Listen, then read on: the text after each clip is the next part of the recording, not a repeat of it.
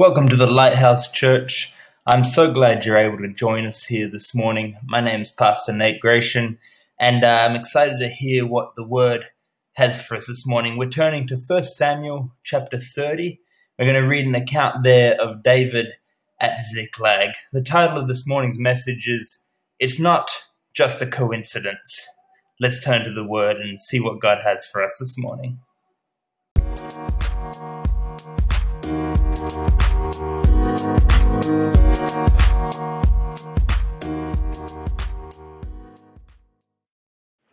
Praise God. So let's turn to uh, verse 1, Sam, 1 Samuel chapter 30, verse 1. And it came to pass when David and his men were come to Ziklag on the third day that the Amalekites had invaded the south and Ziklag and smitten Ziklag and burned it with fire and had taken the women captives that were therein. They slew not any, either great or small, but carried them away and went on their way. So David and his men came to the city, and behold, it was burned with fire, and their wives and their sons and their daughters were taken captives.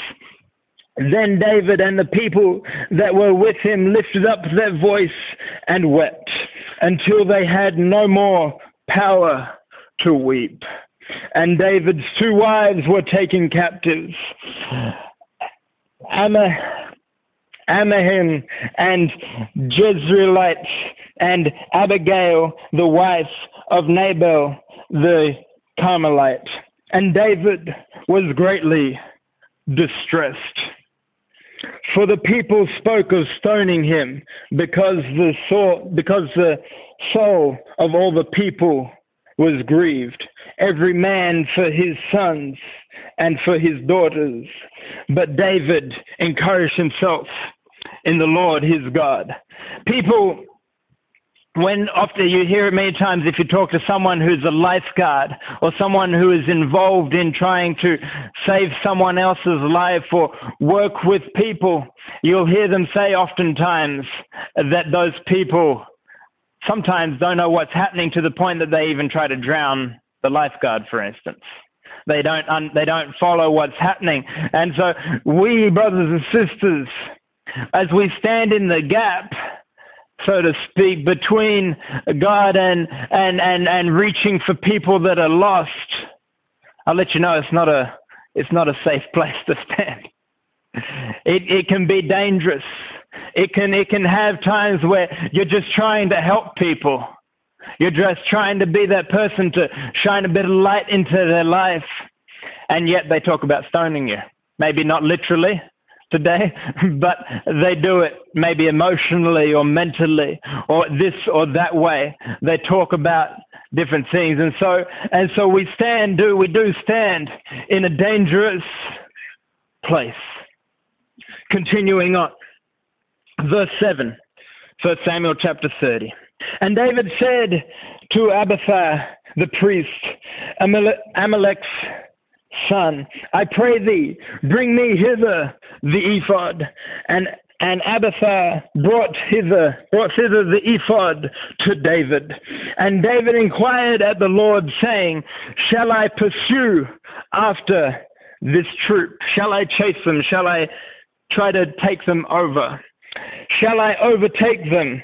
And he answered him, Pursue, for thou shalt surely overtake them, and without fail recover all. Verse 9, we've got a bit of a reading this morning, but it's worth it. We need to cover the whole, the whole uh, account that's happening. Verse 9, so David went he and the 600 men that were with him, and came to the brook Be- Besor, where, the, where, where those that were left behind stayed. Verse 10 But David pursued, he and 400 men, for 200 abode behind, which were so faint that they could not go over the brook Besor.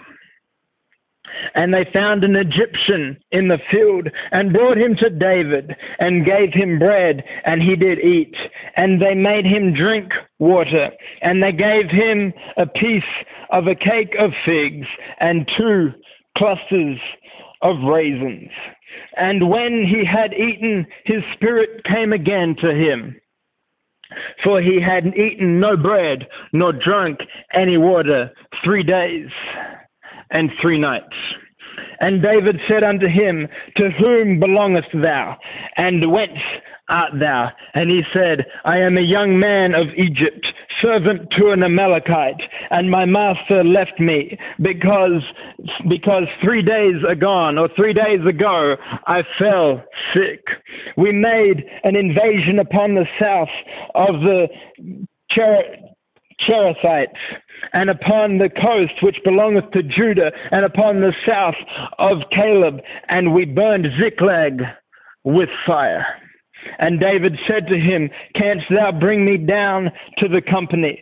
And he said, Swear unto me by God that thou wilt neither kill me nor deliver me into the hand hands of my master, and I will bring thee down to this company. Verse 16. And when he had brought him down, behold, they were spread abroad upon all the earth, eating and drinking and dancing because of all the great spoil that they had taken out of the land of the Philistines and out of the land of Judah. And David smote them from the twilight even unto the evening of the next day and there escaped not a man of them, save four hundred young men, which rode upon camels and fled. And David recovered all that the Amalekites had carried away, and David rescued his two wives, and there was nothing lacking to them, neither small nor great, neither sons nor daughters, neither spoil nor anything that they had taken to them. David recovered all. David recovered all. This morning, just for a few moments, I want to talk about or preach on the simple topic. It's really not an accident. Nothing doesn't happen by coincidence. Things don't happen just coincidentally, and we think, well, that was random. You see, if you read 1 Samuel chapter 29, you'll read the account where the Philistines are about to go and make war. And David is currently living with the Philistines. And David's like, yeah, let's go make war. That's the kind of man David was. Give him a giant that he needs to kill, he'll kill it. Right? But the Philistines, even though they've been, David and the Philistines have been living together, and David's soldiers, mighty men, these men weren't your, uh, weren't your just regular troops. They were the modern day SAS or Green Beret or whatever. You know, they were the elite of the elite. These men most likely were handpicked and chosen by David himself by a giant killer. But the Philistines said, No, I remember you killed that giant. the Philistines said, No, you go back to your go back to where you're from. I remember you uh, you came and killed killed Goliath, who was a Philistine, one of us, you know. And now we're going to go to war. We don't really, you know, they uh, the the chapter 29 says, I remember they sang Saul has killed his thousands and David is ten thousands. And so we, if we go to war with you, we don't know, but you may stab us in the back. We don't want you to, we don't want to go to war with you and then you turn around and start fighting us and join our enemies. So a logical move, a logical move, but really, really a move that God had planned, that God had inspired. And so David and his men return. And they go to Ziklag. And there at Ziklag, they come across their homes burnt to the ground and everything gone. They come across all their crops and everything burnt, and every, all their possessions and their family and loved ones taken, gone. I can only imagine how it would have felt to see that happen. The scripture tries to portray it to us when it says that they began to weep until they had no more power to weep. They began to cry until they had no more power to cry. They began to question things. They began to question what was happening. And after their grieving, after their weeping, they turned to each other and said, Let's stone David and kill him for what's happened. Somebody needs to pay. Was there was their thinking really? But the thing is, is Ziklag burnt anyway. Ziklag was burned to the ground anyway, and their, and their families taken captives, and their spoils taken, their, their possessions taken. It was burnt anyway. If David and his men had gone off to war, it doesn't change the outcome of Ziklag. If David and his men had gone with the Philistines to war, it doesn't change what happens to Ziklag. But you see, God saw what was happening in Ziklag. God saw the city that was being burnt. God saw what was going on. God saw that the families were being taken captive. And God was protecting them, as it were. None of them were killed, they were all taken, the scripture says. But God saw what was going on. But David didn't know. His men didn't know. But God created in the Philistines' mind no, we can't go to war with this man. Send him back. Send him back. Possibly a, the most valuable soldier that they could have gone to war with. Send him back. So they sent him back. And they saw what God saw. They saw what was going on anyway. You see, sometimes things happen in our life and they're going to happen anyway. But God brings it to our attention. Why? Why? Why? You see, there's some there's some questions we can ask, and really, when we see what God sees, when we see what's happening, when we see what's going on, the question to ask is, what will you do? Will you fall on the ground and weep and mourn? And that's to be expected, that's normal. We're human. That's understandable, that's understood. Will you fall and weep and mourn? But when you're done mourning, when you're done crying, when you've wept all you can, when you've cried all you can, when, as the scripture says, you have no more power to weep, when there's nothing left in you, what will you do then? And we see two answers in the scripture. Will you look for something or someone to blame for this thing that has happened in your life? Will you look for something to blame? Will you look for someone to blame? Will you even blame God? Because God brought it to your attention. You see, things happen. It rains on the just and the unjust.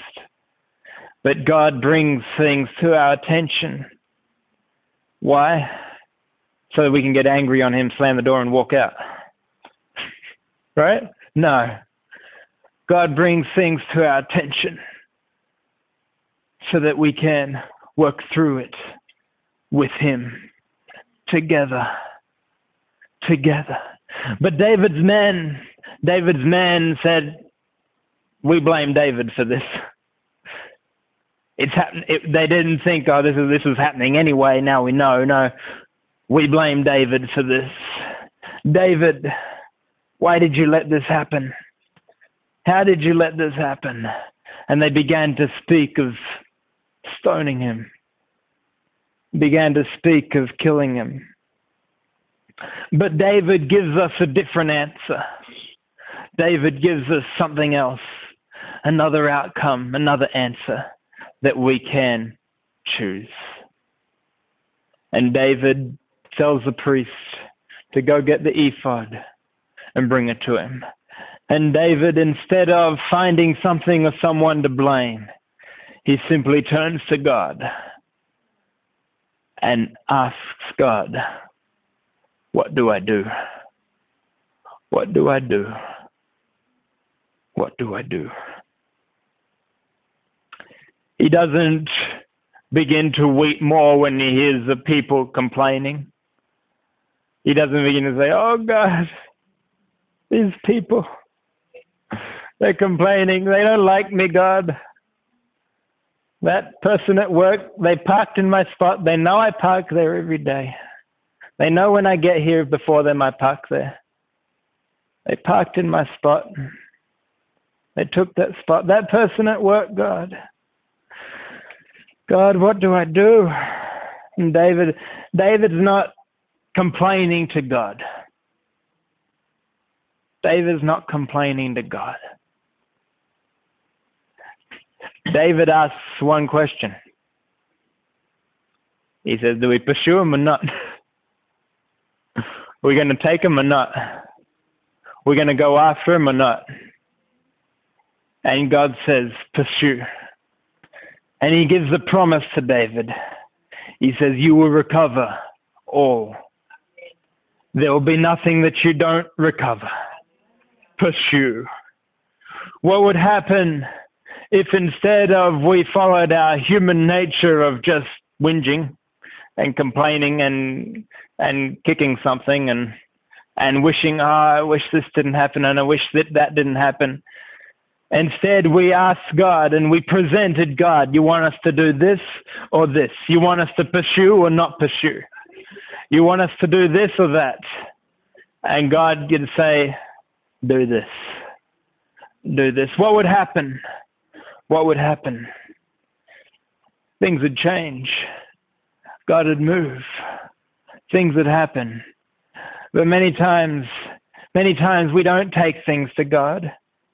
We simply just continue on our way, complaining and trying to do it in our own power.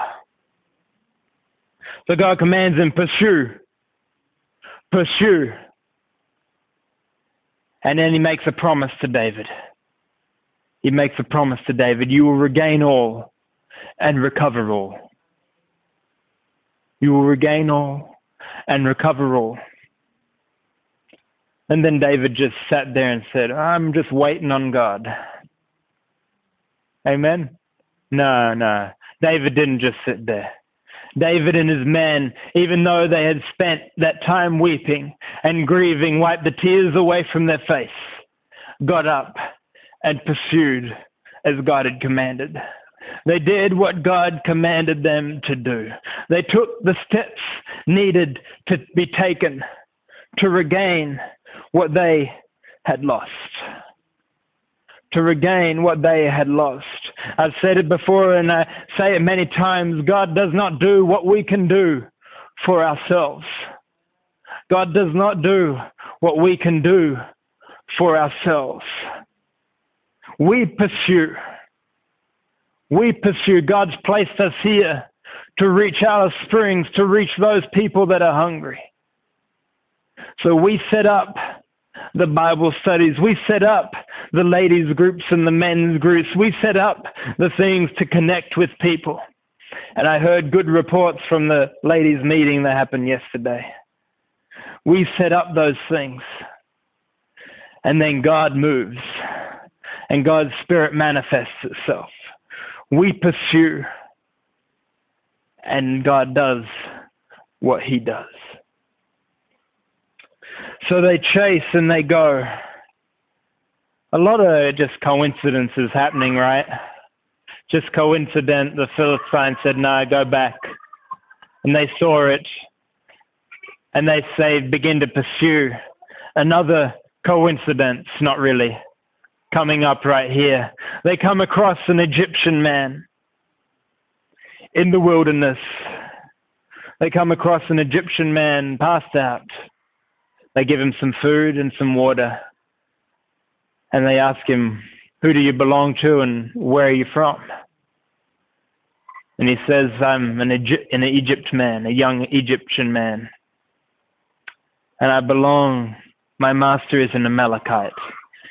And we just got done attacking and burning Ziklag and fighting these different nations.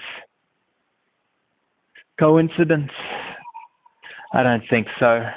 You see, you see what what the enemy leaves behind sometimes as scraps.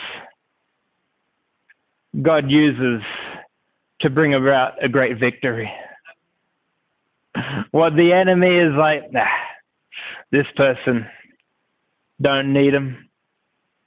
Kick him to the side. They're sick. They're this or that. God brings into the church, into the kingdom, and uses for a great victory. We can never look overlook someone because our human eyes just don't see that person.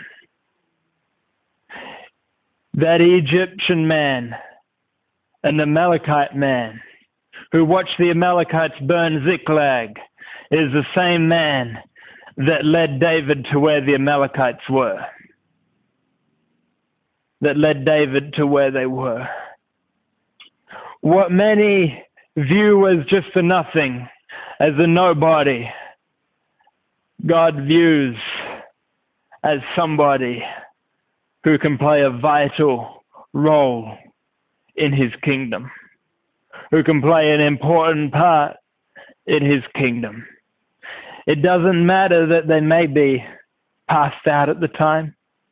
Care for them, tend for them, give them a little water, a little bread, a little something. Take care of them. We talked Thursday night about personal evangelism, caring for people, tending to their needs. The Good Samaritan, man half beaten, he didn't go up to them and he didn't go up to him and say, Have you heard about the Ten Commandments? Have you heard about the law of Moses? I think this could really help your life. No, he tended to his binds, his, his wounds. He bound his wounds. He tended to them. And then he put him on his own animal, his own beast. And they went their way. Let's tend to people. Let's care for people. Let's restore them. And then let's see what God does. Let's see what God does. So this Egyptian man passed out. They help him out. He says, if you promise me, if you promise me not to, uh, if you promise not to kill me and not to hand me back to the Amalekites, I'll show you where they are. Okay, I'll take you.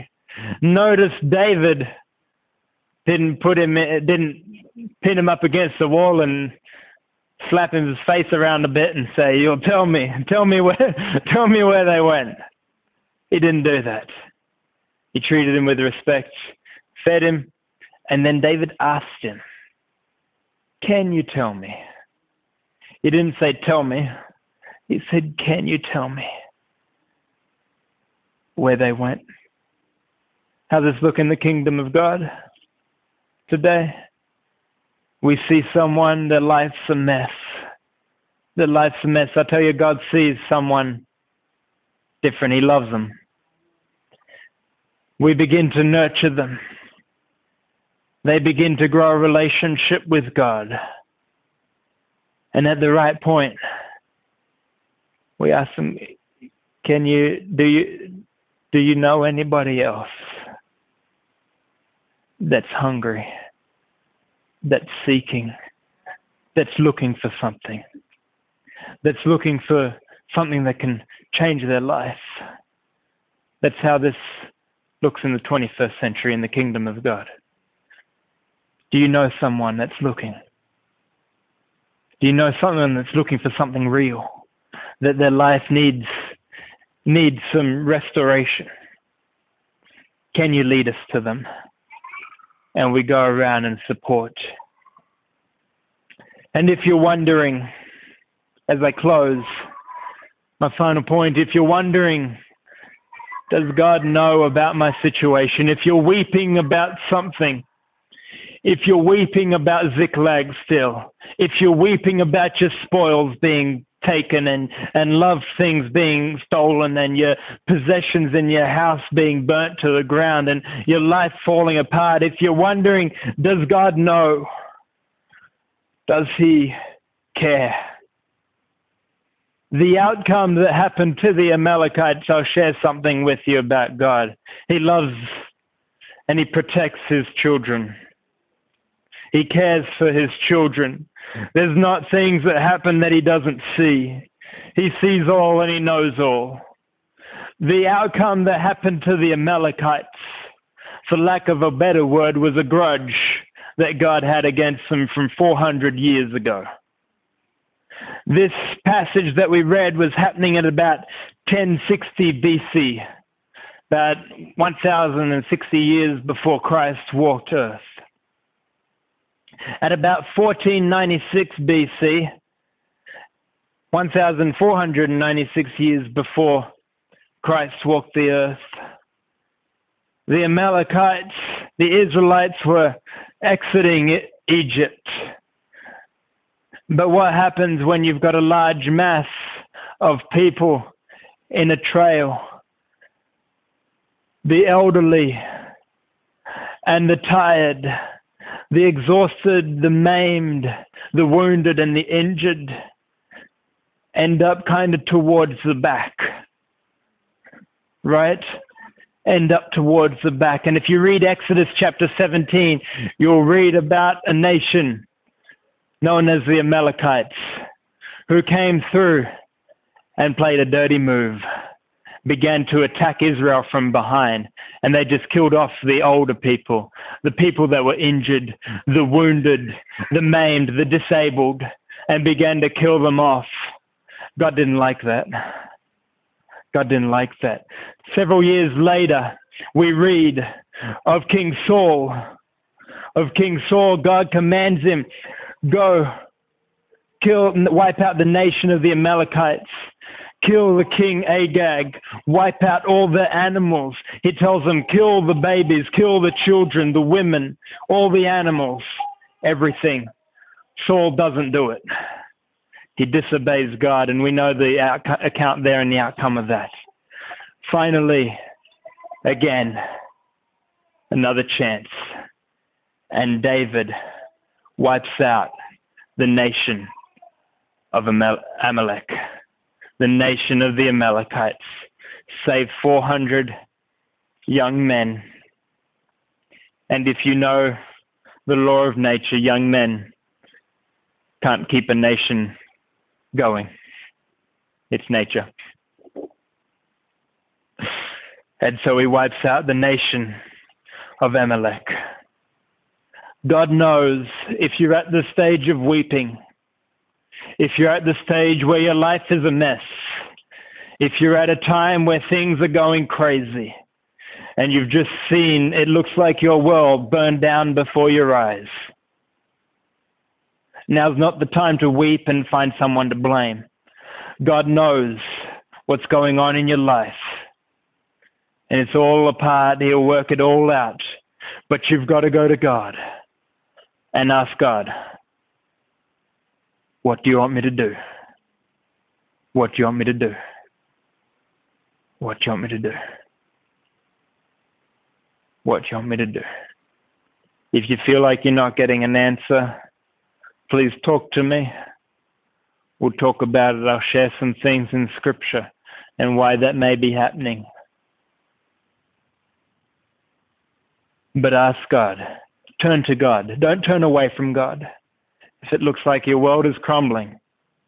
God knows exactly where you are. I'll finish with this as another example. It's riddled, it's riddled through the scripture of God showing that He knows exactly what's going on in your life. Jesus is about to get crucified. He's about to make his triumphant entrance into Jerusalem. They're about to lay the branches and shout Hosanna. And a few days later, they'll shout, Crucify him. He knows what's going on, he knows what's going to happen. And yet, while with all that going on in his mind, he knows to tell the tell his disciples, go in just by this door, by the entrance. You'll find a mother donkey and its colt. Bring the colt to me. If Jesus knew with all that going on where a colt was, surely he knows where you are and what's going on in your life. If he knew where a donkey was before he was about to get crucified, surely he knows where you are, what you're doing, and what you're facing. Let's stand this morning. God is so good.